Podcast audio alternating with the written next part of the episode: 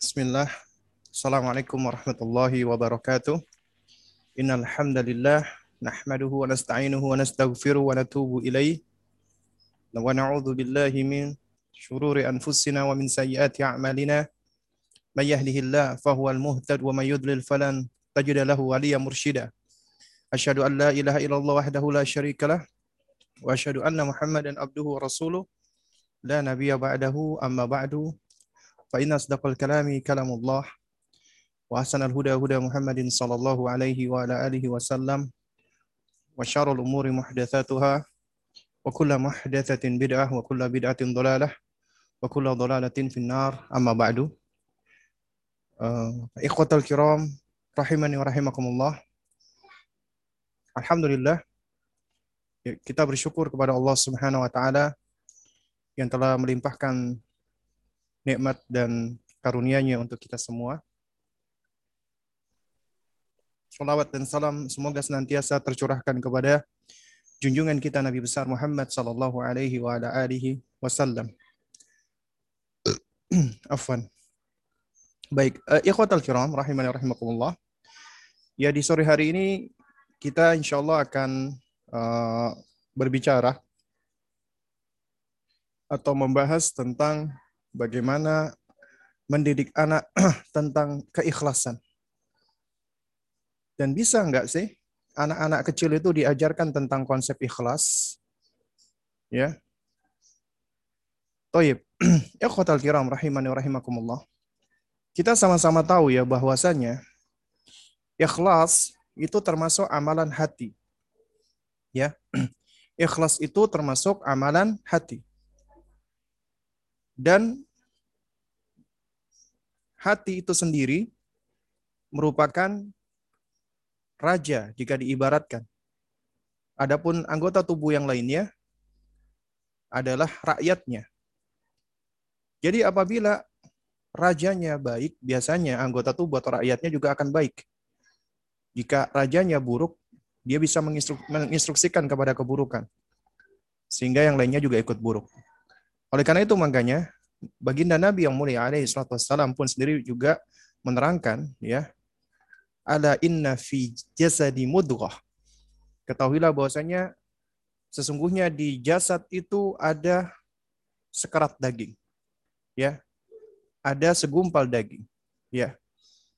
Dan segumpal daging ini idza saluha saluha al-jasadu kullu Apabila segumpal daging ini baik, maka akan baik seluruh anggota tubuhnya. Demikian pula wa idza fasada apabila buruk ya, apabila apabila segumpal daging itu buruk ya, maka akan jelek pula ya seluruh anggota tubuhnya. Ala wahyal qalbu. Ketahuilah bahwasanya sekarat daging atau mudgo itu adalah apa namanya? hati. Qalbu. Taib. Ikhwatal kiram yang dimuliakan Allah Subhanahu wa taala. Ya. Kita ketahui bahwasanya manusia ini Allah karuniakan ber, berbagai macam uh, potensi, instrumen, alat, tools, equipment, ya. Dan Allah Subhanahu wa taala ketika menempatkan kita di muka bumi ini, Kemudian Allah Subhanahu wa taala menjadikan bumi ini sebagai tempat ujian bagi kita. Dan Allah Subhanahu wa taala menciptakan kita tidak lain dan tidak bukan tujuannya adalah dalam rangka untuk beribadah. Tapi Allah tidak biarkan kita begitu saja. Allah berikan kita instrumen-instrumennya dan Allah berikan kita tuntunan-tuntunannya. Yang mana instrumen yang Allah berikan kepada kita ini, apabila mengikuti tuntunan Allah dan Rasulnya, maka kita akan selamat. Apabila tidak, maka tentunya kita akan binasa. nah, oleh karena itu, di antara instrumen yang Allah Subhanahu wa taala berikan kepada kita itu adalah pertama fitrah tentunya. Ini sesuatu yang Allah Azza wa Jalla sudah karuniakan kepada setiap hamba, setiap anak. Allah sudah ciptakan mereka berada di atas fitrah. Dan fitrah itu adalah Islam, iman, tauhid. Kemudian yang kedua, Allah Subhanahu wa taala berikan kepada setiap hamba itu al-gharizah, naluri, insting. Ya, Di antaranya naluri untuk mempertahankan diri, kemudian juga naluri untuk uh, memperbanyak keturunan dan seterusnya. Kemudian Allah juga memberikan yang namanya al-wijdan wal masyair. Emosi dan perasaan-perasaan. Ya. Allah berikan adanya emosi-emosi dan perasaan-perasaan kepada ya hamba-hambanya. Yang mana emosi dan perasaan ini adalah sesuatu yang tersimpan di dalam diri hamba dan akan keluar apabila dicetuskan oleh ya sesuatu yang dapat menstimulasinya. Ketika melihat sesuatu yang bikin bikin ketawa, ketawa. Ketika melihat sesuatu yang menyedihkan, dia akan sedih. Ketika mendengarkan sesuatu juga sama. Ya. Toib. Lalu kemudian yang berikutnya, di antara yang Allah berikan juga adalah apa? Uh, indra. Ya. Instrumen untuk iltikot ya untuk uh, menerima semacam reseptor ya nah Allah Subhanahu wa taala karuniakan kepada ya kita anak manusia apa namanya anak-anak manusia itu setidaknya ada tiga hal yang Allah Subhanahu wa taala selalu sebutkan yaitu as-sam'u wal basar wal fuad pendengaran, penglihatan dan pemahaman. Dan ini senantiasa disebutkan Allah berurutan. Dan secara realita atau secara kenyataannya memang demikian nih. Jadi berurutan. Berurutan yang berkembang. Pendengaran dulu, kemudian penglihatan, baru kemudian pemahaman. Nah, Al-Hafidh Ibnu Katsir rahimahullah ketika menerangkan al-uqul atau atau eh afwan ketika menerapkan al-afidah atau al-fuad ai makna ya ai maknaha al-uqul. Maknanya adalah akal. Jadi yang dimaksud adalah akal. Ya. Taib. Ikhwatal kiram. Rahimani wa rahimakumullah. Ya. Ya. Baik. Nah, ikhwatal kiram. Rahimani rahimakumullah ini mohon maaf ya eh, barusan ada ada panggilan masuk ya. nah, Kemudian Allah Subhanahu wa taala juga berikan kepada manusia itu ya yang namanya kolbu, hati. Ya, nah ulama berbeda pendapat tentang makna fuad.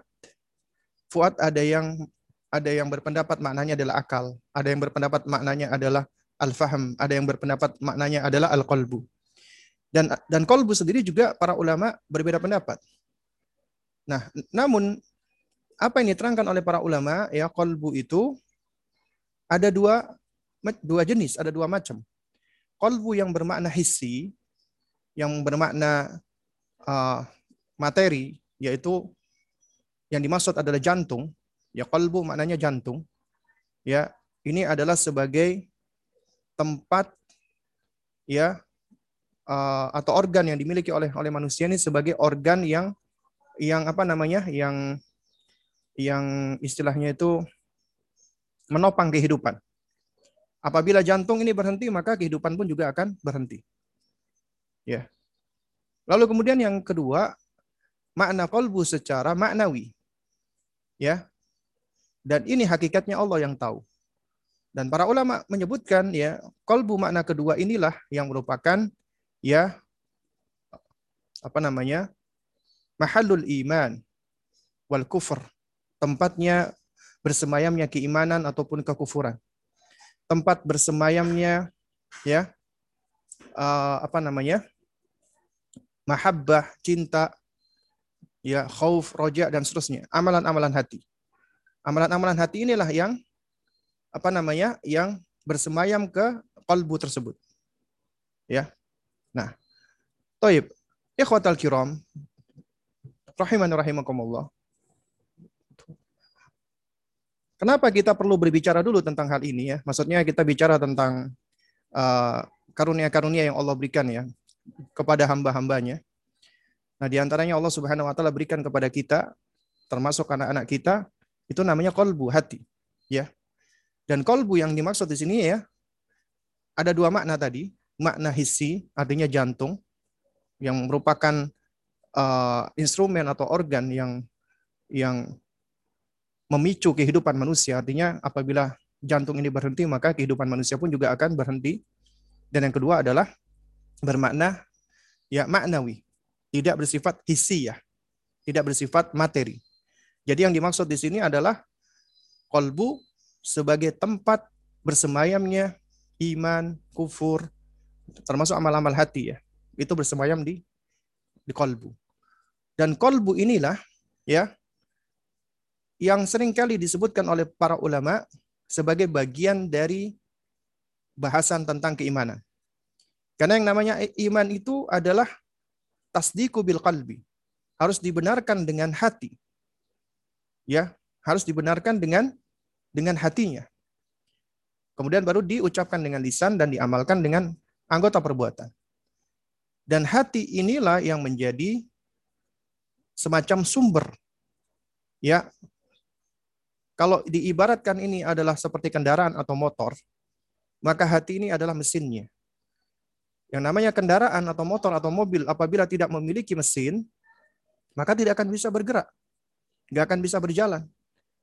Dan apabila semakin bagus mesinnya, semakin besar sisinya, maka dia akan semakin uh, apa namanya semakin kuat ya kendaraan itu uh, berjalan ya.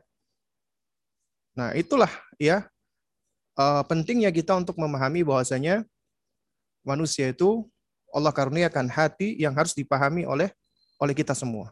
Sama seperti akal contohnya. Kita tahu kita punya akal, tapi kita nggak bisa mendeskripsikan bagaimana akal itu bagaimana bentuknya, tapi kita yakin akal itu ada.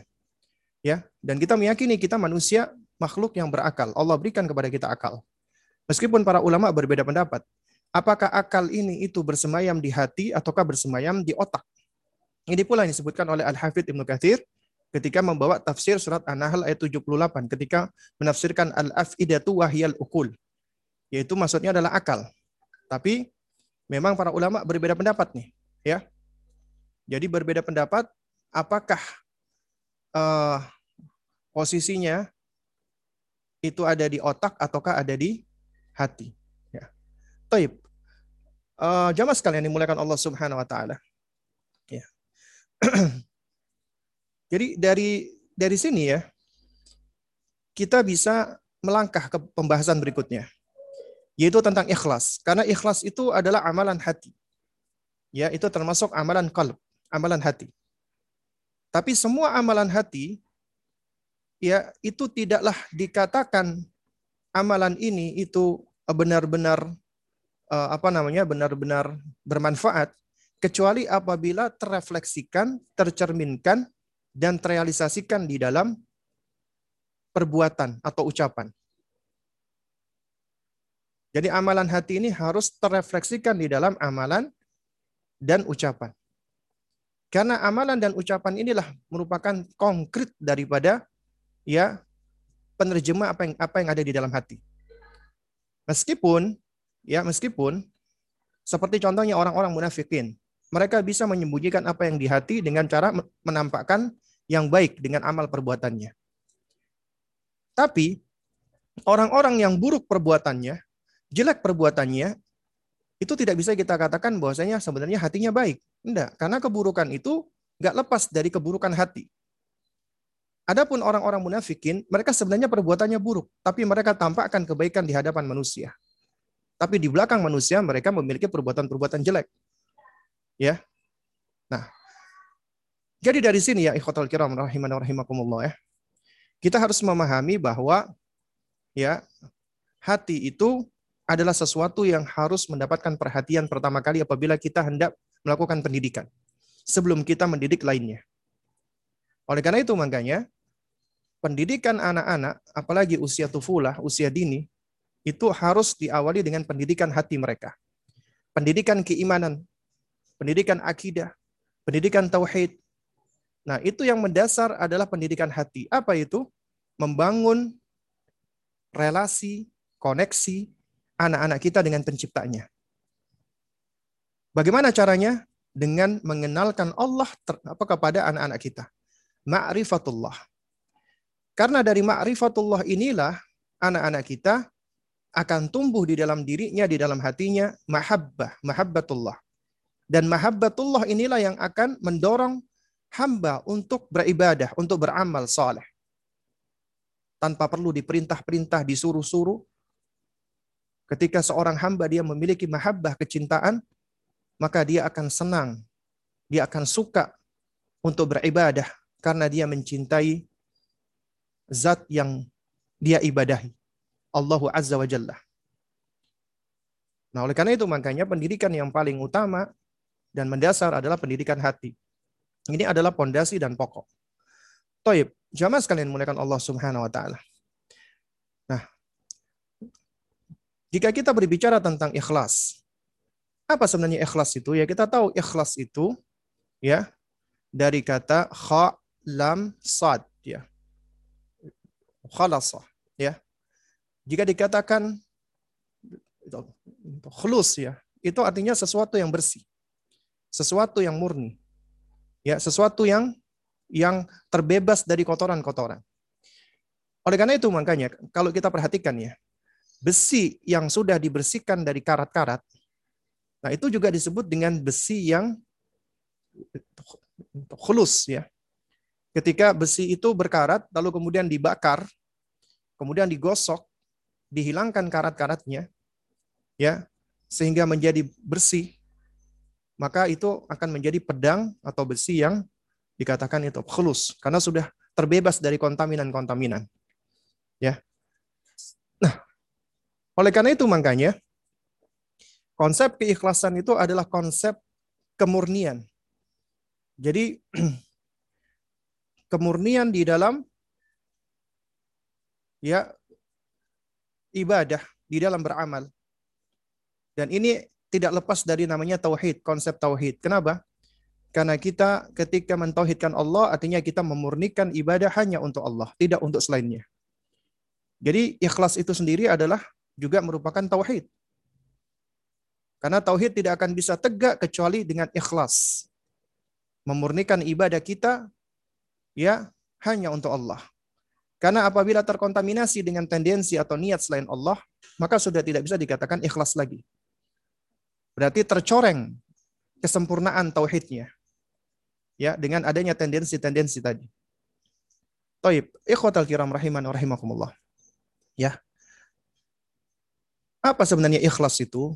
Jika kita perhatikan ya, uh, sebagaimana dikatakan oleh salah seorang ulama salaf ya, yang bernama uh, Ibrahim bin Adham ya. Ibrahim bin Adham rahimahullahu taala Beliau mengatakan yang dimaksud dengan ikhlas itu sejatinya adalah sidqun niyati ma'allah. Sidqun niyati ma'allah. Yaitu ketulusan niat, kejujuran niat, kebenaran niat ya kepada Allah Subhanahu wa taala. Kalau kita bicara niat ya. Niat itu makna secara bahasa adalah al-iradatu wal qasdu. Ya, keinginan dan tujuan. Artinya manusia di dalam dirinya dia punya keinginan, punya tujuan, punya tendensi. Itulah niat. Dan dikatakan orang itu ikhlas apabila niatnya itu tulus, jujur, bersih hanya untuk Allah. Itulah dikatakan oleh Imam Ibrahim bin Adham adalah sidkun niyati Allah. Lalu kemudian juga sebagaimana dikatakan oleh Imam Sahal bin Abdullah At-Tusturi ya, rahimahullah taala. Beliau mengatakan bahwasanya al-ikhlasu an yakuna sukunul abdi wa harakatuhu lillah.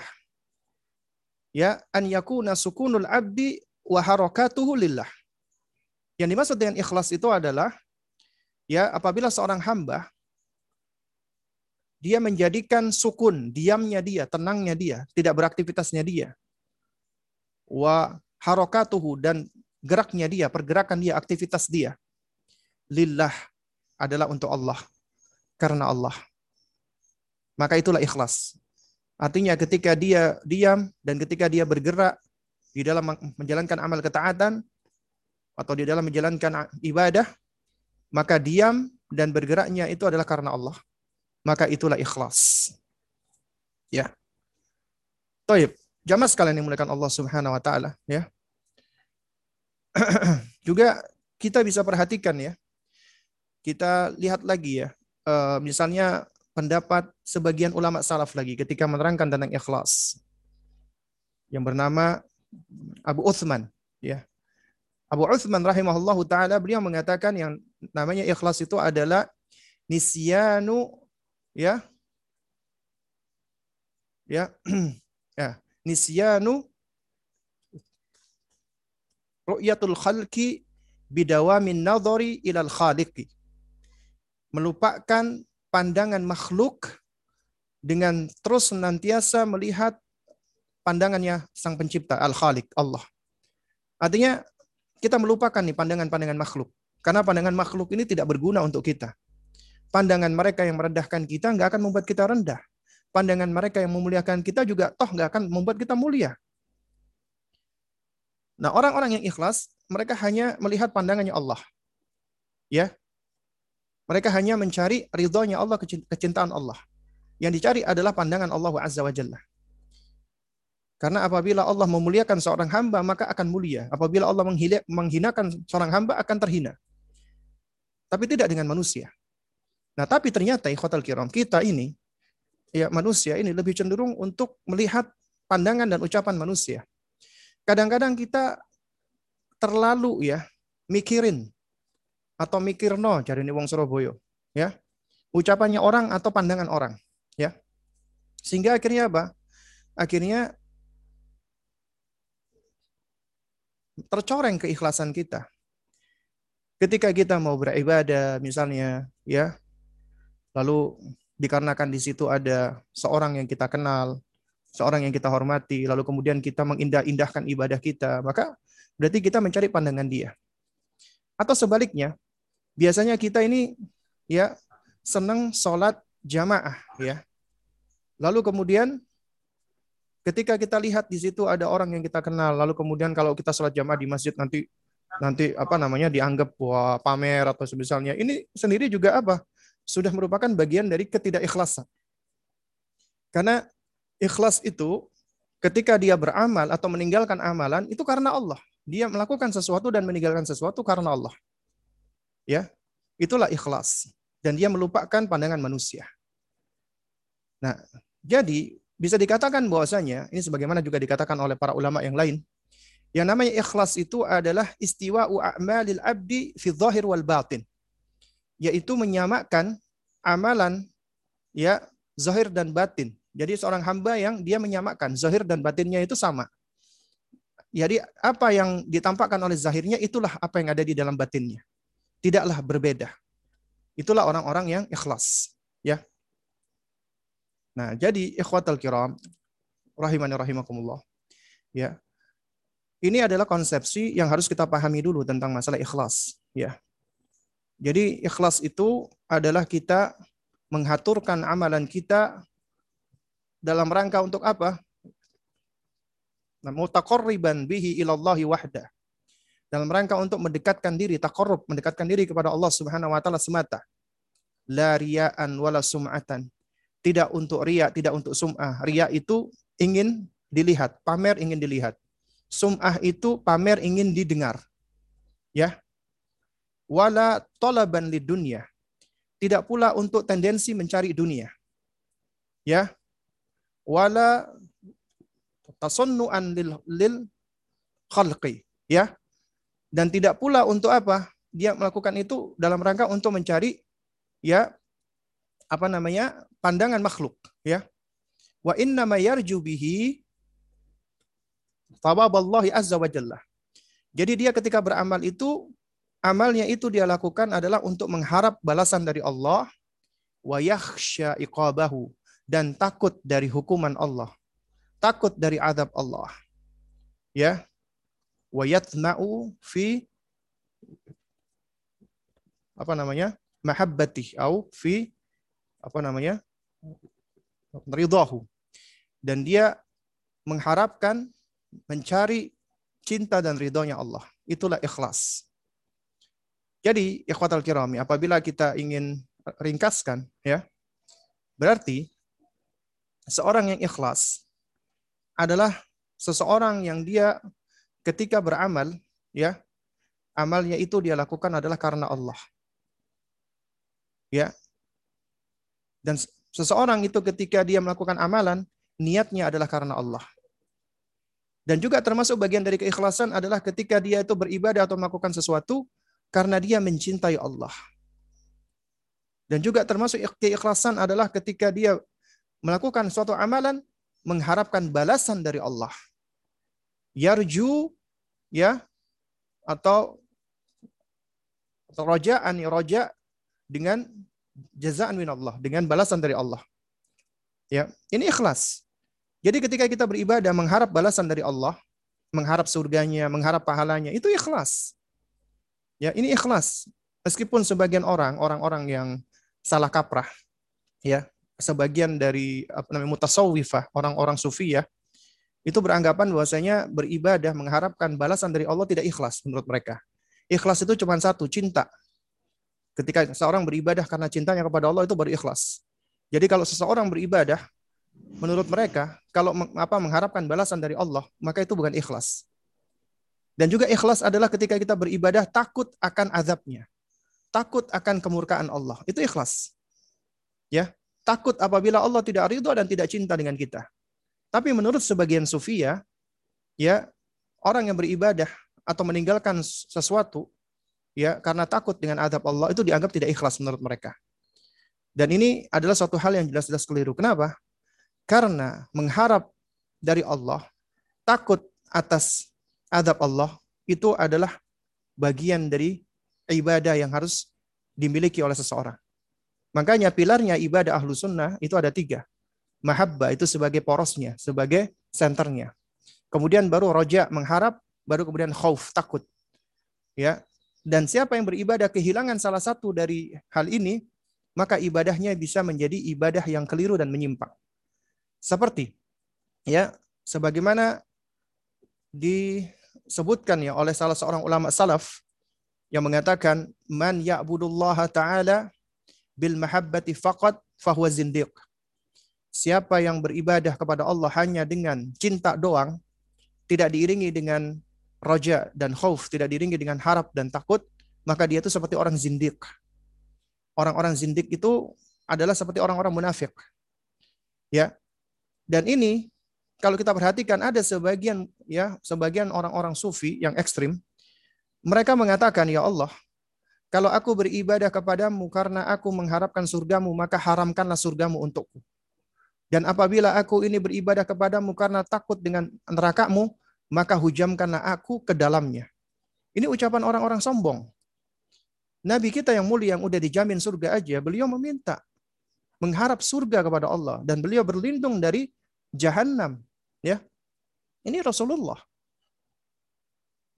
Nah, oleh karena itu konsep yang mengajarkan kita beribadah hanya cinta doang, ini suatu hal yang keliru dan menyesatkan. Juga demikian, ya, siapa yang beribadah kepada Allah dengan roja fakot, dengan harap saja, nggak diringi dengan mahabbah dan khauf, maka dia itu seperti irja. Irja itu salah satu sekte sesat di dalam Islam yang mengeluarkan ya, amalan dari keimanan. Artinya, iman itu stagnan, tidak berubah, tidak bertambah dan tidak berkurang. Konsekuensi pendapat mereka, karena iman tidak berubah, tidak bertambah, tidak berkurang, tidak bertambah dengan ketaatan, tidak berkurang dengan kemaksiatan, dan imannya itu sama. Iman itu adalah satu entitas yang sama, ya. Jadi berarti imannya orang yang melakukan amal ketaatan dengan amal keburukan sama. Yang penting sudah beriman. Iman itu sama menurut mereka. Mau maksiat ke, mau banyak sholat ke, imannya tetap sama. Ini adalah akidahnya orang-orang irja, murjiah. Akidahnya orang-orang murjiah. Dan ini juga termasuk akidah sesat. Kenapa? Karena lebih banyak rojaknya kepada Allah, mengharap kepada Allah. Dengan harapan, harapan Allah akan mengampuni, harapan Allah akan akan apa namanya? akan membalas. Akhirnya apa? Konsepnya adalah hanya rojak saja, tidak diiringi dengan rasa takut dan tidak diiringi dengan mahabbah. Nah, juga demikian yang ketiga, ya, waman ya'budullaha ta'ala bil khaufi faqat fahuwa haruri. Ya. Siapa yang beribadah kepada Allah hanya dengan takut doang, nggak diiringi dengan mahabbah dan roja, maka dia itu seperti orang haruri. Haruri nisbah kepada salah satu sekte Khawarij. Khawarij itu adalah sekte di dalam Islam yang secara zohir mereka itu tampak kesolehannya. Mereka itu seperti orang-orang soleh. Bahkan Nabi ketika berpesan kepada para sahabat, Nabi mengatakan kalian akan merasa ya ibadah kalian tidak apa tidak tidak ada apa-apanya dibandingkan mereka. Ya. Ini orang-orang Khawarij. Mereka itu senang sholat malam, senang beribadah. Tapi ya mereka itu membangun ibadah mereka, mereka membangun ya amal mereka itu di atas konsep yang keliru, hanya takut kepada Allah saja. Akhirnya apa? Karena takutnya kepada Allah, orang-orang yang melakukan kemaksiatan yang seharusnya tidak dikafirkan, dikafirkan oleh mereka. Peminum khomer kafir, pezina kafir, pendusta kafir, semua yang jatuh kepada dusta apa dosa besar dikafirkan. Kalau sudah dikafirkan, konsepnya berikutnya adalah boleh dibunuh, boleh ditumpahkan darahnya. Konsepnya berikutnya adalah ya mereka boleh dirampas hartanya dan seterusnya. Jadilah mereka sekte yang membuat kerusakan di muka bumi ini. Ya, membunuh kaum muslimin, menghancurkan uh, apa namanya? menghancurkan rumah-rumah kaum muslimin, merampas harta mereka dan seterusnya. Ini adalah orang-orang khawarij.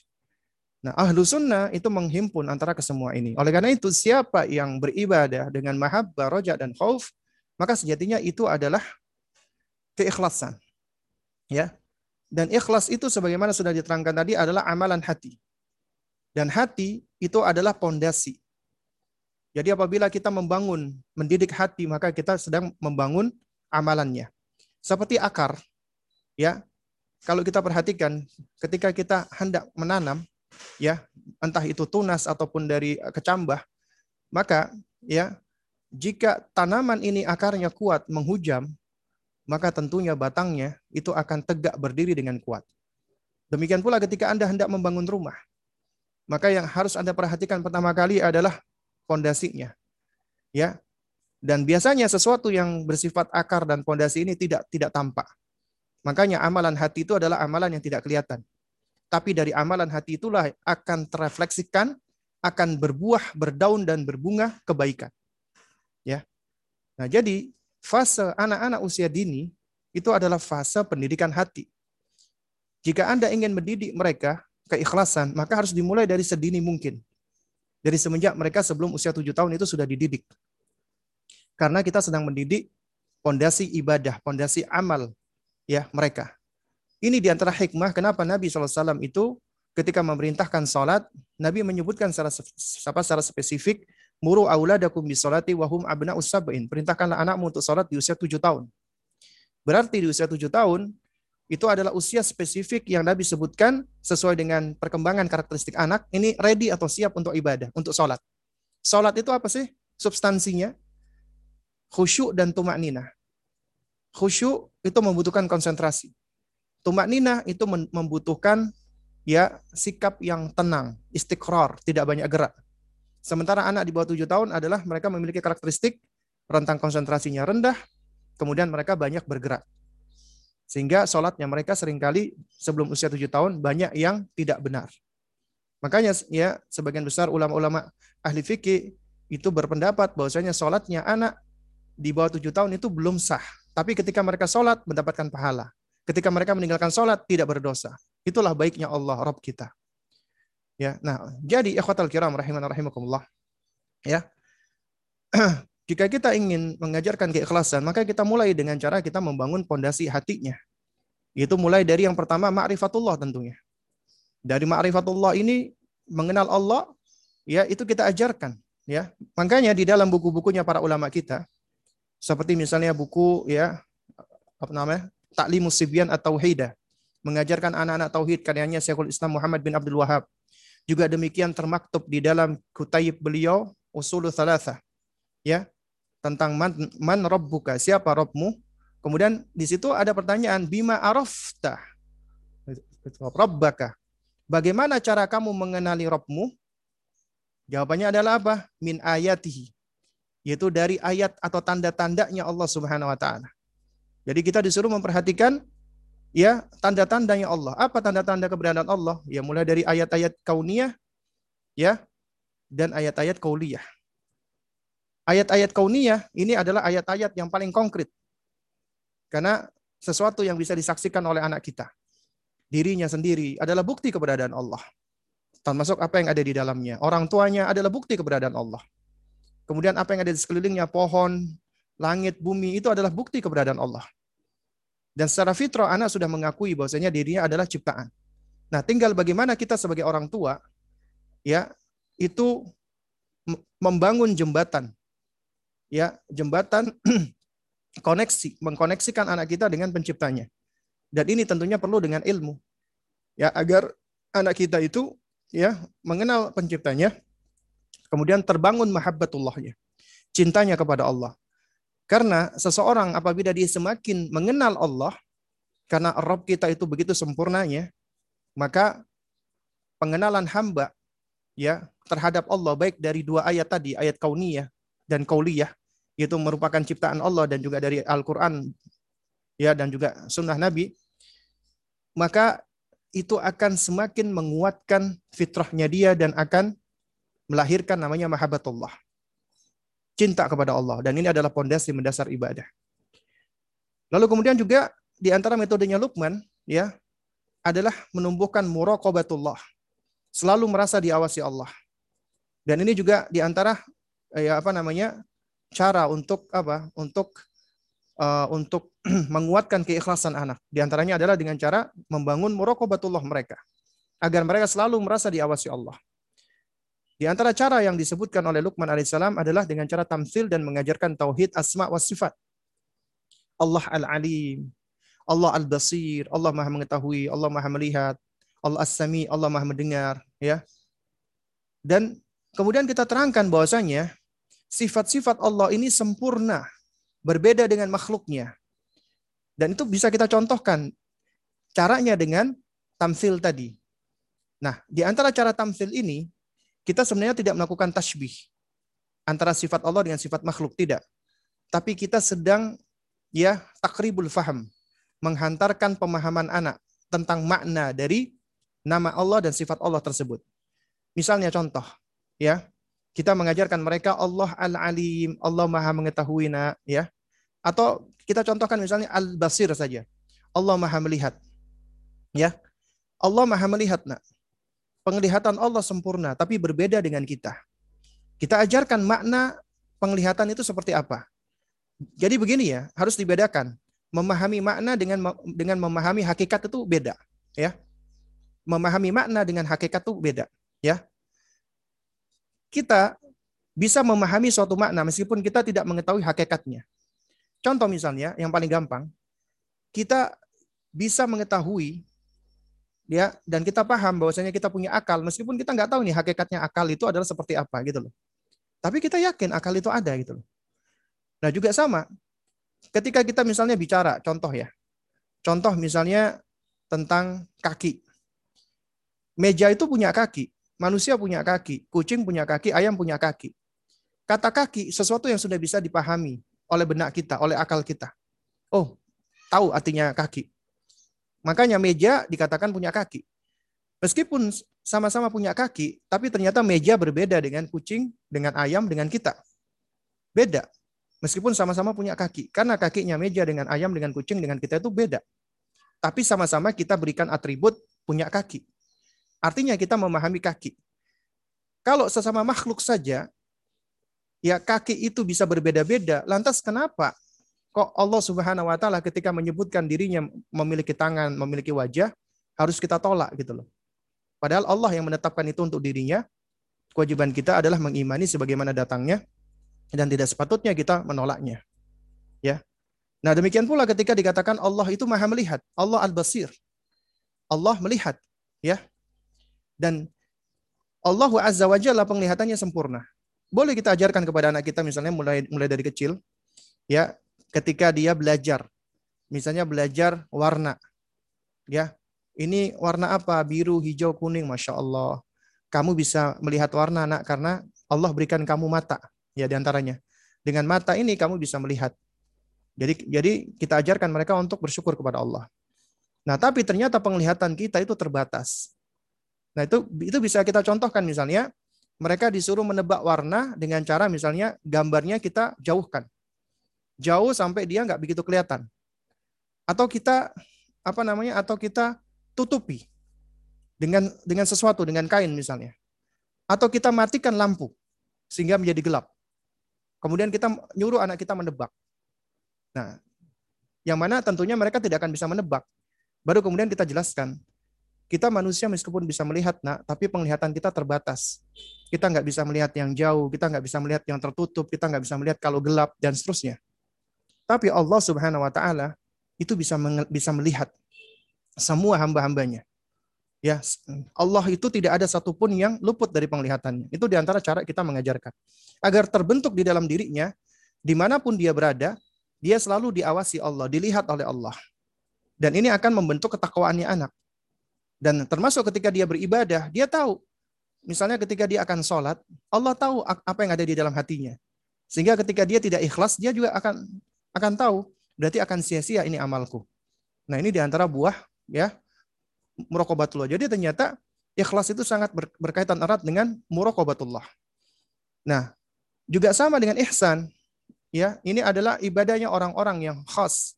Makanya tingkatan tertinggi dari muslim adalah ihsan ya Islam, iman, kemudian ihsan. Dan ihsan ini sendiri juga menurut para ulama ini ini adalah juga adalah uh, ibadah ibadahnya orang-orang yang sampai di tahapan muraqabatullah. Itu orang-orang yang berbuat ihsan. Karena kata Nabi SAW ketika ditanya oleh Jibril alaihissalam, akhbirni anil ihsan, an ta'budallaha ka'annaka tarahu fa in lam takun tarahu fa innahu yaraka. Engkau beribadah kepada Allah seakan-akan engkau melihat Allah, tapi kalau engkau enggak mampu, sesungguhnya Allah melihat kamu. Muraqabatullah merasa diawasi Allah. Ya. Taib. Jamaah sekalian dimulakan Allah Subhanahu wa taala. Nah, jadi dari sini kita ini tahu ya bahwa apa? Bahwa uh, keikhlasan itu sangat erat kaitannya dengan iman. Ya, dengan ma'rifatullah, dengan tauhid. Ya, dengan mahabbatullah, dengan muraqabatullah, dengan ihsan, ya. Karena ini merupakan pondasi. Pondasi dari setiap amalan. Mahabbatullah itu yang akan menjadi penggerak ya amalan tersebut. Dan muraqabatullah ini yang akan juga menjadi apa namanya? Uh, yang menyebabkan seseorang itu dia berusaha untuk semakin semangat beramal dan meninggalkan ya kemaksiatan. Karena dia sadar Allah senantiasa mengintai dirinya. Nah, lalu kemudian ya ketika ditanya ya siapa orang yang ikhlas itu? Ya, di antara disebutkan oleh para ulama adalah orang yang ikhlas itu adalah ya orang yang alladzi ya'malu wa la yuhibbu an yahmadahun nas ya. Orang yang beramal dan dia tidak kepengen dipuji manusia. Tidak kepengen ya disanjung manusia. Kenapa? Karena sanjungan dan pujian manusia itu tidaklah bisa menyebabkan amalnya diterima sanjungan dan pujiannya manusia itu tidak bisa menyebabkan ya amalnya itu uh, sebenarnya menjadi amal yang baik karena yang menentukan ya amal itu baik dan diterima adalah Allah. Nah, jadi orang-orang beramal itu tidak pengen dipuji manusia itu adalah orang yang ikhlas. Nah, juga juga dikatakan ya al-mukhlis orang yang ikhlas itu adalah apa? Orang yang man yaktamu Ya, orang yang ya, orang yang tamu menyembunyikan ya apa? hasanati kama yaktamu sayiatihi yaitu orang yang menyembunyikan kebaikannya sebagaimana dia menyembunyikan keburukannya. Artinya ya orang yang ikhlas dia itu sebagaimana pengen ya keburukannya itu tidak diketahui orang lain, maka demikian pula dia menyembunyikan kebaikannya. Kebaikan-kebaikannya. Kenapa? Karena sangat besar sekali peluangnya apabila dia menunjukkan kebaikannya, maka ya dia akan mengharapkan pujian manusia. Ya. Oleh karena itu makanya orang yang ikhlas adalah orang yang ya man yastawi indahu madihuhu wa Orang yang dia menempatkan dirinya sama baik di sisi orang yang memuji dia atau yang mencela dia.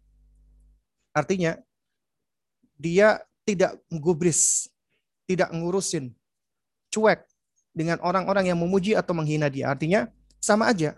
Itu semua nggak akan mempengaruhi dia. Orang yang memuji nggak akan membuat dia menjadi mulia. Orang yang mencela juga nggak akan membuat dia menjadi apa namanya terhina. Ini konsep-konsep ini apabila kita tumbuhkan kepada anak kita, mereka akan tumbuh menjadi sosok yang kuat, sosok yang hebat, sosok yang tangguh, sosok yang tahan banting. Ya, orang-orang yang mungkin suka ngebully, ya, itu anak kita akan bisa menjadi sosok yang yang sudah memiliki imunitas terhadap bullying. Kenapa? Karena dia tahu bullying itu yang diucapkan oleh orang-orang kepada dirinya, dia tahu, dia sadar itu semua tidak memberikan manfaat dan tidak memberikan madarat untuk dirinya. Kenapa? Karena dia hanya mencari pandangan Allah. Oleh karena itu perkataan-perkataan buruk ya orang-orang lain terhadap dirinya dia gak gubris. Bahkan dia semakin senang. Kenapa? Karena dia tahu apa? Di antara fadilah orang yang digunjing dan dan apa dijelek-jelekkan ketika dia bersabar, maka kelak nanti di hari kiamat dosa-dosanya itu akan diampuni dan dimaafkan. Ya dan bahkan pahalanya orang yang menggunjing akan dilemparkan. Ya. Taib. Jamaah sekalian mulakan Allah ya. Tapi kita tahu nih, ya kalau kita berbicara tentang amalan hati, itu bukanlah suatu hal yang mudah. Makanya sekelas Imam Sufyan Ats-Tsauri rahimahullah sendiri, beliau sampai-sampai mengatakan, "Ma'alajtu syai'an uh, asyaddu alayya min niyati." Aku nggak pernah ya merasa sulit di dalam memperbaiki sesuatu yang lebih berat daripada niatku. Kenapa? Li'annahu tataqallabu alayya. Karena niatku itu selalu berubah-ubah. Makanya memperbaiki niat itu paling berat. Nah, sementara ikhlas itu juga kaitannya dengan niat. Jadi ternyata ikhlas itu juga berat. Ya. Ikhlas itu pun juga suatu hal yang yang sulit, yang tidak mudah, ya. Nah, tapi bukan artinya sulit dan tidak mudah itu ya bukan artinya tidak bisa diraih. Ya. Nah, oleh karena itu yang bisa dilakukan oleh hamba dia harus berusaha untuk membersihkan dirinya dari apa berbagai macam kontaminan-kontaminan semampunya termasuk anak-anaknya. Ya.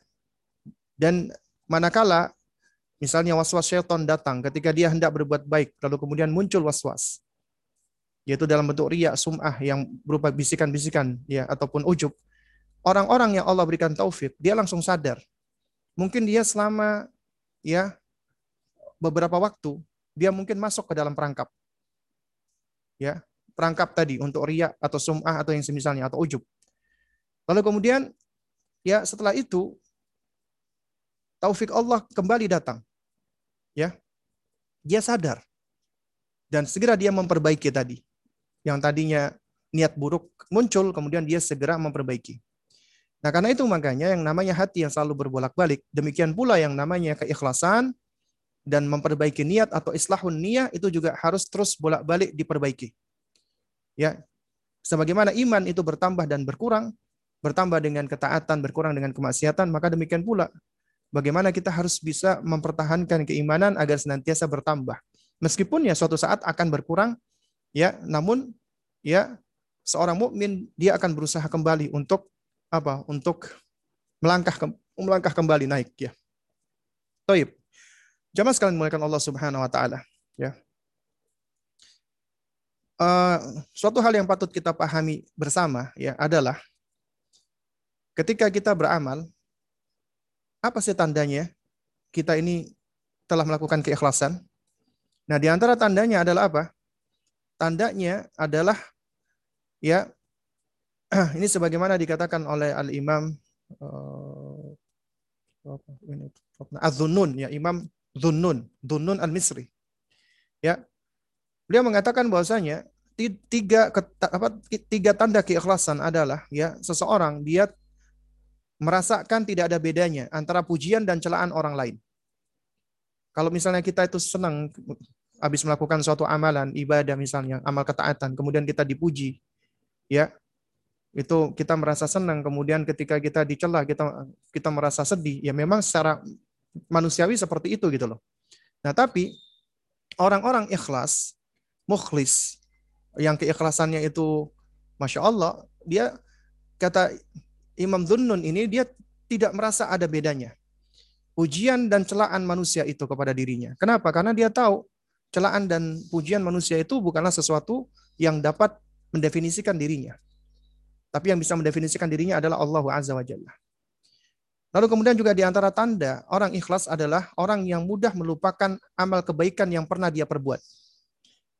Saking seringnya dia melakukan amal-amal kebajikan, dia melupakan itu amal-amal kebajikan yang dia lakukan. Tidak selalu mengingat-ingat. Ya, ini di antara tandanya.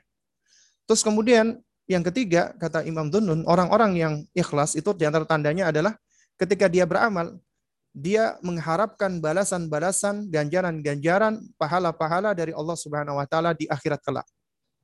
Dan tidak ada di dalam dirinya muncul di dalam benaknya mengharapkan balasan di dunia. Ya. Nah, ini adalah tanda ikhlas yang disebutkan oleh ya Imam Dunnun Al-Misri. Taib.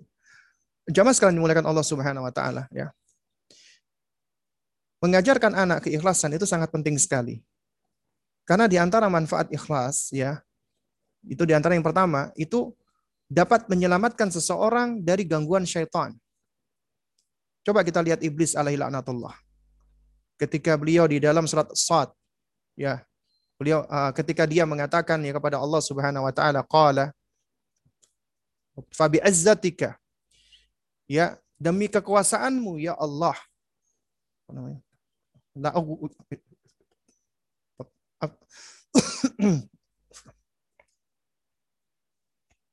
Ya. Iblis alaihi berkata apa?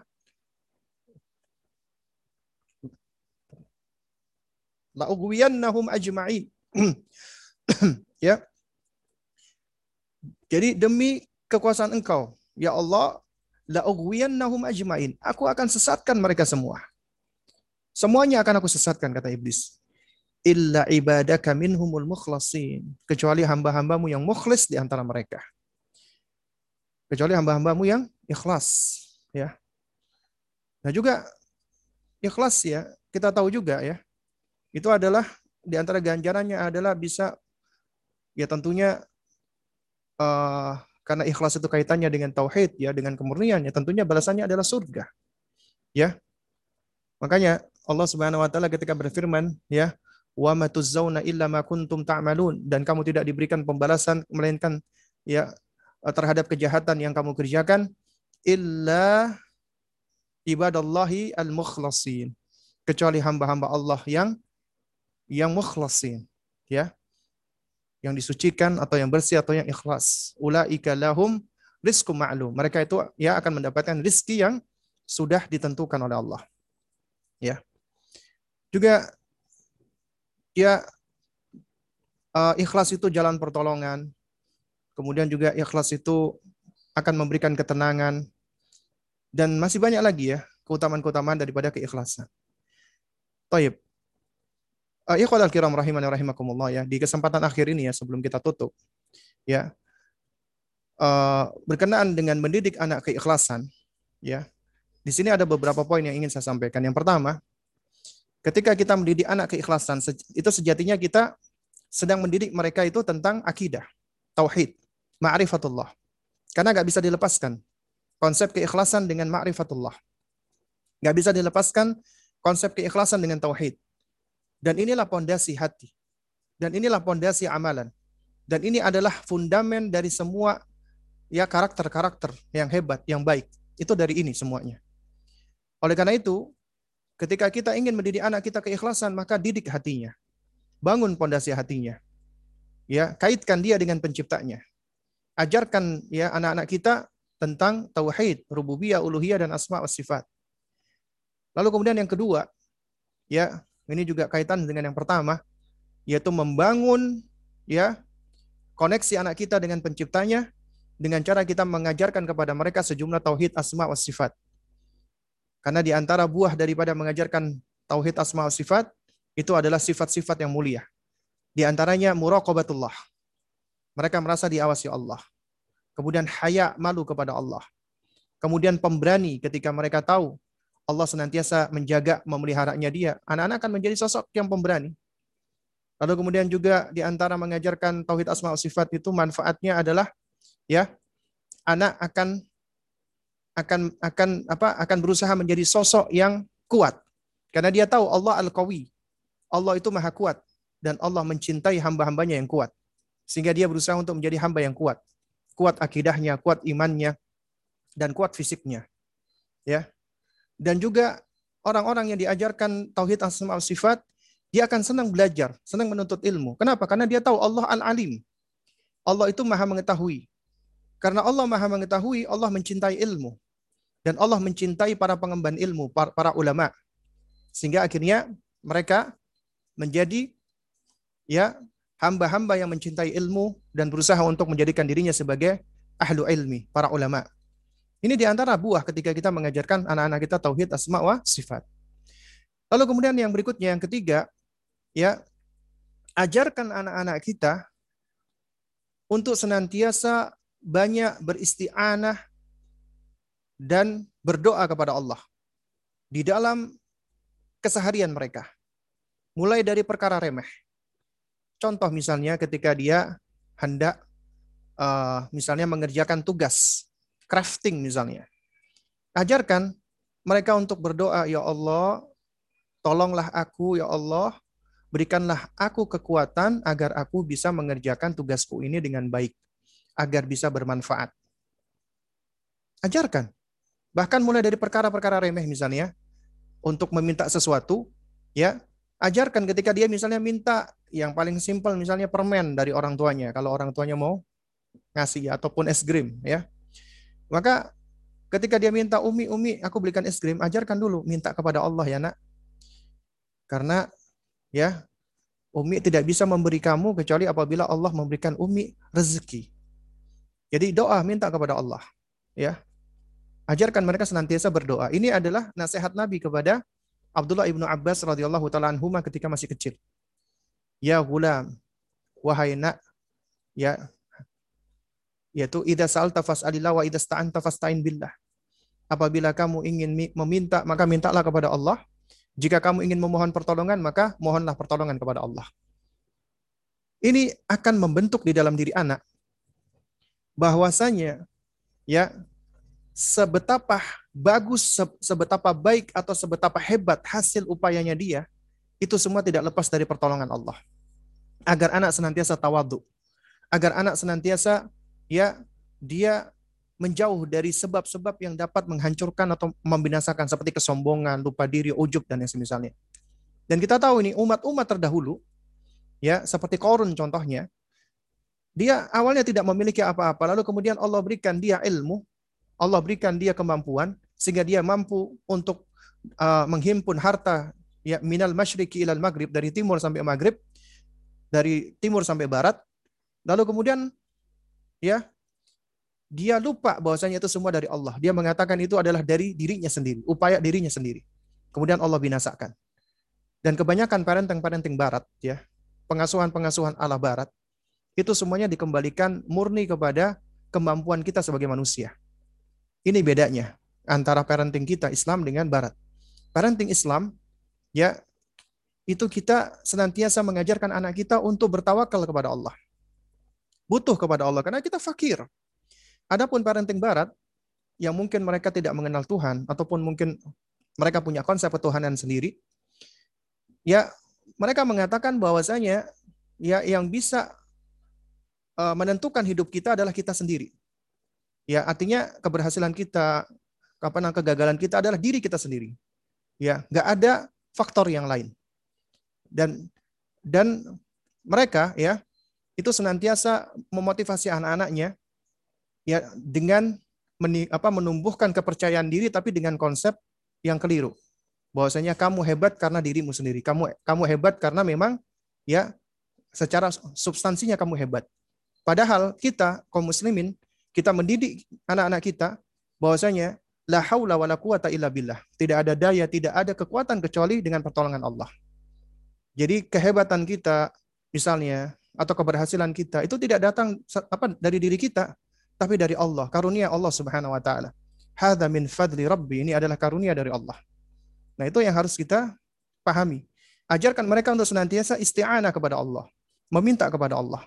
Dan ini ya, dan inilah yang akan membentuk keikhlasan mereka. Karena ketika mereka setiap akan melakukan suatu amal soleh, amal taat, mereka selalu minta pertolongan kepada Allah. Mereka butuh kepada Allah. Itu yang akan senantiasa mengkerucutkan hatinya untuk ikhlas kepada Allah. Terus kemudian yang berikutnya adalah ya sebelum mengajarkan mereka ibadah ya afwan abadah, ibadah ya adalah ya tumbuhkan pondasi-pondasinya mulai dari mahabbah. Ya mahabbah ini tidak bisa muncul apabila tidak diawali dengan ma'rifatullah. Kemudian tumbuhkan roja dengan cara kita menjelaskan tentang balasan-balasan Allah. Ya ganjaran-ganjaran Allah. Kemudian jelaskan tentang khauf, tumbuhkan khauf rasa takutnya. Dan ini secara bertahap. Kita tahu ya ikhwatal kiram, anak usia tufula di bawah tujuh tahun, Rasulullah SAW itu belum memerintahkan mereka untuk sholat. Karena itu fase untuk membangun pondasi agar mereka ready ketika udah usia tujuh tahun untuk sholat. Itu artinya fase kita membangun mahabbah. Bukan artinya kita tidak tidak mengajarkan rojak dan khauf kita ajarkan, tapi dengan porsi lebih banyak mahabbahnya. Kemudian di usia tujuh tahun, Nabi sendiri mengatakan, Muru auladakum bisolati wahum abna usab'in. Perintahkanlah anakmu untuk sholat di usia tujuh tahun. Nah berarti ini adalah fase kita mendorong anak kita. Memotivasi anak kita untuk sholat. Nah di antara cara mendorongnya, selain dengan memberikan contoh sebelumnya, adalah dengan cara kita memberikan targhib, rogbah, agar muncul rogbah dan harapnya. Ya, amalan dia ini dia lakukan mendapatkan balasan dari Allah, surganya Allah dan seterusnya. Baru di usia 10 tahun wadribuhum alaiha wahum abna'u ashrin. Pukul di usia 10 tahun kalau nggak sholat. Apa tujuannya? Agar agar anak-anak kita itu juga terbentuk rasa takutnya, khauf. Kalau dia misalnya merasa nggak suka, tidak nyaman, bahkan kesakitan ya misalnya ya dihukum fisik oleh orang tuanya, yang mana hukuman itu adalah ta'diban lahu laisa ta'diban, untuk mendidik bukan untuk menyiksa, dan itu ada doabitnya. Tapi ketika dia misalnya dihukum, tidak lain dan tidak bukan adalah bentuk kasih sayang kita kepada mereka. Dan kita katakan, kamu kalau dihukum Abi sama Umi seperti ini kesakitan nak, hukuman Abi ini nggak ada apa-apanya dibandingkan hukuman Allah. Ya, Abi sama Umi menghukum kamu karena Abi sama Umi sayang sama kamu. Ya, jadi supaya ya kamu itu tahu apabila Allah murka, nah ini baru kita berikan fase takhwif, takut-takuti anak di usia 10 tahun ke atas. Ya, Nah, terus kemudian yang nggak kalah pentingnya lagi adalah ya adalah kita ajarkan kepada mereka ya konsep diri. Nah, ini memang butuh bahasan sendiri ya. Dia harus mengenal ma'rifatul zat atau ma'rifatul nafs. Dia mengenal konsep dirinya sebagai entitas manusia yang unik dan spesial. Allah karuniakan berbagai macam karunia, ya bakat, minat, kelebihan dan kekurangan pada dirinya, termasuk perasaan-perasaan dan emosinya. Itu perlu kita ajarkan ya. Kenapa? Karena diharapkan dengan kita mengajarkan konsep ma'rifatul zat atau ma'rifatul nafs akan muncul di dalam dirinya mahabbatul zat, mencintai dirinya. Mencintai diri itu bukan uh, bukan ini ya, bukan uh, narsis bukan. Itu konsep yang keliru. Mencintai diri adalah bagian dari kita menumbuhkan tabiat. Tabiat untuk memperhatikan diri. Bukankah Allah ketika mengatakan ku anfusakum wa ahlikum naro, jagalah dirimu terlebih dahulu baru kemudian keluargamu. Artinya, orang yang mencintai dirinya, dia ingin menempatkan dirinya di tempat-tempat yang baik. Dia tidak ridho dirinya itu berada di tempat yang buruk. Apalagi sampai apa namanya terprosok ke dalam jahanam wal billah. Makanya Allah perintahkan ya mulai dari dirimu ku anfusakum ya. Nah, terus kemudian juga anak-anak itu senang ya ketika mereka diapresiasi, maka berikanlah apresiasi kepada mereka. Dan ketika memberikan apa memberikan apresiasi itu ternyata bisa dijadikan pijakan untuk mengajar mereka keikhlasan. Kenapa? Pujian-pujian yang dikaitkan dengan Allah Subhanahu wa taala. Misalnya contoh anak kita alhamdulillah juara menang lomba lomba hafalan atau lomba ngaji. Alhamdulillah, masya Allah anak Umi Allah karuniakan ya kehebatan bisa apa bisa menghafal. Jadi kita kembalikan semuanya adalah kepada Allah. Tidak kita katakan, eh, kamu anak hebat, anak top, kamu anak paling canggih sedunia, ya. Tapi kita lupa untuk menyandarkannya kepada Allah. Akhirnya anak cenderung akan lupa diri. Tapi kalau kita ingatkan, itu karunia dari Allah. Itu nikmat dari Allah. Itu taufik dari Allah. Itu pemberian dari Allah. Dia sadar ini semua adalah dari Allah. Ya, Sehingga ini juga akan menjaga hatinya. Dari apa? Dari kebinasaan. Terus kemudian juga yang nggak kalah pentingnya, kaitkan dia dengan orang-orang saleh. Ya. Nah, orang-orang saleh yang paling ideal adalah mereka yang telah meninggal dunia. Rasulullah, para sahabat, para nabi dan rasul, para imam. Bagaimana cara mengkaitkannya? Kita ceritakan, kita kisahkan. Karena mereka adalah sumber inspirasi. Ya. Dan kita harapkan mereka itu mencintai ngefan sama orang-orang soleh. Dengan harapan kelak nanti kita dan mereka dibangkitkan oleh Allah dengan mereka orang-orang soleh ini. Baik, baik ya ini adalah di antara ya eh, cara-cara bagaimana kita bisa mendidik anak-anak kita tentang konsep keikhlasan dan sebenarnya masih ada langkah-langkah yang lainnya. Namun uh, sepertinya ini cukup ya uh, karena sudah jam 5 lewat. Toib, untuk berikutnya apakah ada pertanyaan? Ya, silakan yang ingin bertanya, baik langsung ataupun mungkin dibacakan oleh Mas moderatornya ini, Mas Erwin. Ayo, nah. Alhamdulillah Ustaz, jazakallahu khair Ustaz atas ilmu yang diberikan. Uh, ini sudah masuk beberapa pertanyaan dari teman-teman Ustaz. Izin oh, iya. Bacakan dari Zoom. Uh, Saudara Reza, izin bisa bertanya kalau misal kita memberikan iming-iming. Afwan, bisa agak kencang dikit nggak? Ya. Taip, Ustaz. Eh, ini ada yang bertanya dari saudara Reza. Taib. Ingin bertanya kalau semisal kita memberikan iming-iming dibelikan sesuatu jika berhasil puasa full, apakah ini merusak keikhlasan anak, Ustaz? Taib. Taib, ini pertanyaan bagus sebenarnya. Jadi ketika kita memberikan hadiah kepada anak kita dalam bentuk iming-iming duniawi, apakah itu bisa merusak keikhlasan? Jawabannya adalah ada rinciannya. Ada tafsilnya. Yang perlu kita pahami bersama, anak-anak usia dini di bawah tujuh tahun khususnya, ya kita tahu mereka ini kalau apa di dalam uh, ilmu pedagogik ya, ilmu tentang anak-anak dari hasil penelitian, kalau diperhatikan ya perkembangan kognisi mereka, mereka memang ya itu berpikiran konkret. Makanya metode agama kita itu sering kali mempergunakan metode tamsil. Karena tamsil itu adalah mengkonkretkan yang abstrak agar lebih mudah dipahami. Ini metode pembelajaran. Ini metode pembelajaran.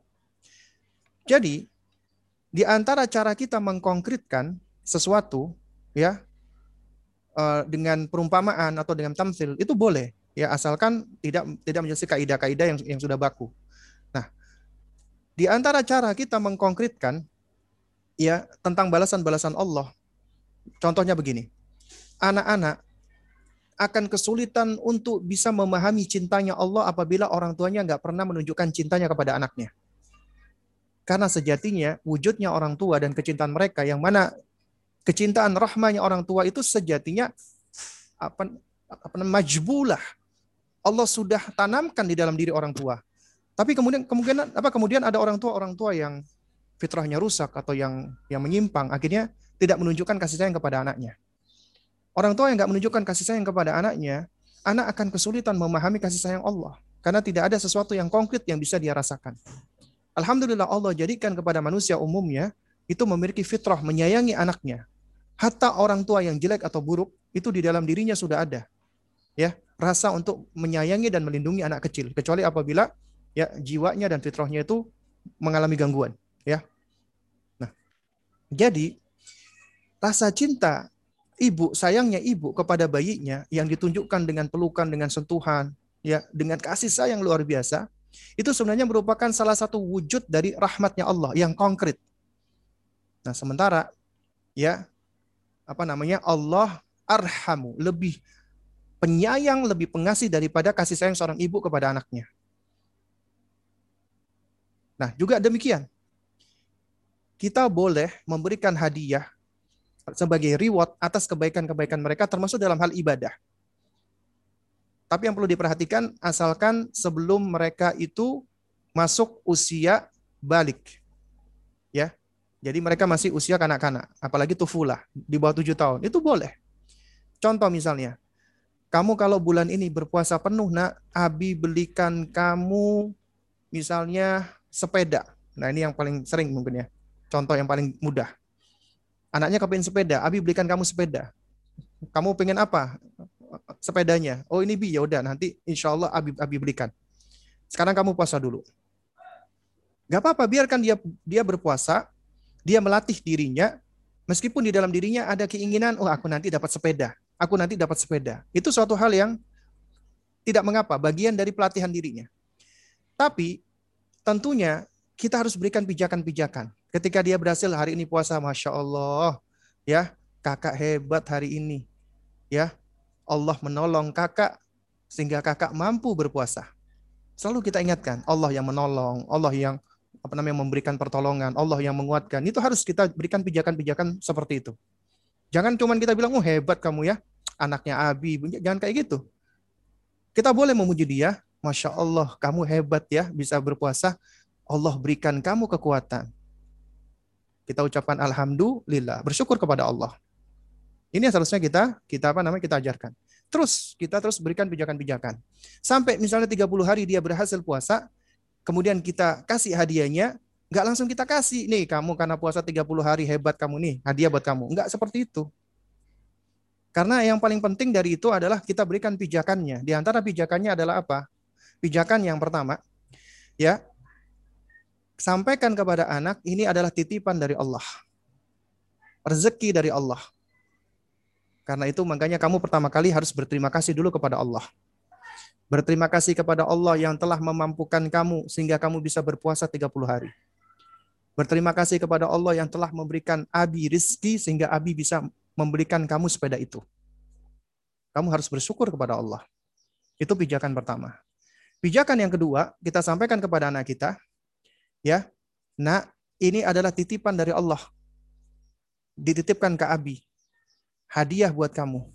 Maka kita sampaikan itu adalah titipan dari Allah. Ya. Karena Allah yang Maha memiliki, Allah yang juga memberikan rezeki kepada kita, kita bisa beli sepeda itu juga tidak lepas dari pemberian Allah. Kita katakan itu dari Allah. Kemudian kita tanya, kamu bahagia nggak nak? Dapat sepeda. Wah bahagia Bi. Masya Allah. Senang banget. Senang banget. Masya Allah. Abi juga senang. Tapi kamu tahu nggak nak? Kak. Ya hadiahnya Abi ke kamu ini di dunia ini gak ada apa-apanya, Kak. Ini kecil banget, sedikit banget. Loh, anak mungkin bertanya itu, kok kecil, Bi, sedikit, Bi? Iya, kecil banget, gak ada apa-apanya ini. Dengan nanti balasan hadiah, balasan yang Allah sudah siapkan nanti buat kamu di akhirat nanti. Balasan Allah jauh lebih baik. Taruhlah dia bertanya, berusaha untuk mengkonkretkan balasan Allah. Loh, emangnya Bi, aku nanti akan dikasih sepeda. Kita jawab, jauh lebih baik. Oh anu bi, ah, sepeda ini bi jauh lebih baik. Oh mungkin sepeda yang mahal ini bi, yang Brixton apa? Bukan Brixton apa? Brompton, ya. Dan katakan jauh lebih baik, jauh lebih indah. Nah, apa bi emangnya bi? Kalau kamu kepingin tahu, ya nanti kita berusaha agar kita bisa masuk surga. Nanti di sana Allah akan berikan kenikmatan-kenikmatan itu, pahala-pahala tersebut. Ya. Ini pijakan yang harus kita kasih gitu loh. Jadi artinya ketika kita berikan hadiah dari duniawi, tetap kita harus berikan pijakan ini adalah dari Allah. Boleh kita kasih mereka hadiah duniawi sebagai salah satu bentuk cara kita mengkonkretkan pengkonkretan kebaikan Allah, ganjaran Allah. Karena kita tahu ya ikhwah, pahala Allah itu suatu hal yang intangible, yang abstrak, nggak kelihatan gitu loh. Makanya banyak di antara kita kaum muslimin, misalnya ya, kalau kita lihat ya hadis-hadis tentang fadilah-fadilah, seperti contohnya, fadilah sholat sunnah dua rakaat sebelum fajar. Dikatakan apa? Khairu minad dunia wa mafiha. Lebih baik daripada dunia dan apa yang ada di dalamnya. Lebih baik daripada dunia dan seisinya. Tapi ini abstrak. Ganjaran yang nggak bisa kita lihat secara kasat mata.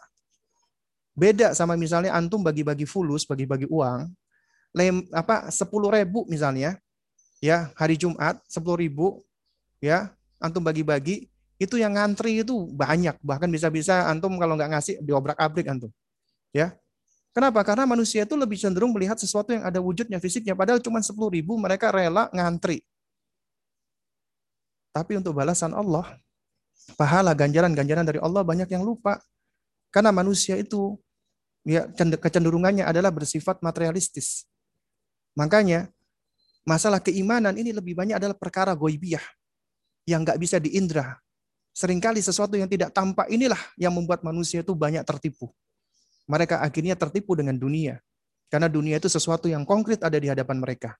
Adapun akhirat sesuatu yang belum tampak untuk kita, sering kali dilupakan. Makanya kita apa namanya memohon Ya, kita minta kepada Allah Subhanahu wa taala. agar kita senantiasa diistiqomahkan, agar kita senantiasa diberikan ilmu yang bermanfaat. Ya, agar kita tahu bahwasanya dunia ini adalah fani ya. Dunia fani, ya. dunia ini fana. Dan kelak kita akan meninggalkan ya dunia ini.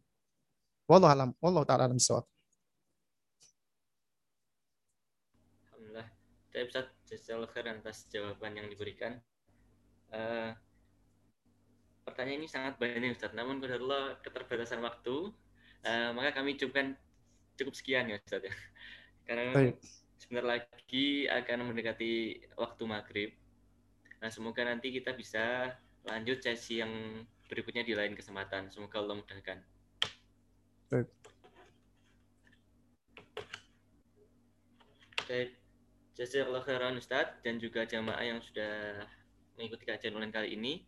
Eh, semoga Allah menerima amalan kita, semoga Allah memberikan kita ilmu yang bermanfaat dan juga semoga bisa kita menerapkan juga mengaplikasikan ilmu yang sudah disampaikan oleh Ustadz Abu Salam Muhammad. Cukup sekian dari kami. Subhanakallahumma bihamdika asyhadu an la ilaha anta wa atubu ilaik. Assalamualaikum warahmatullahi wabarakatuh. Waalaikumsalam warahmatullahi wabarakatuh.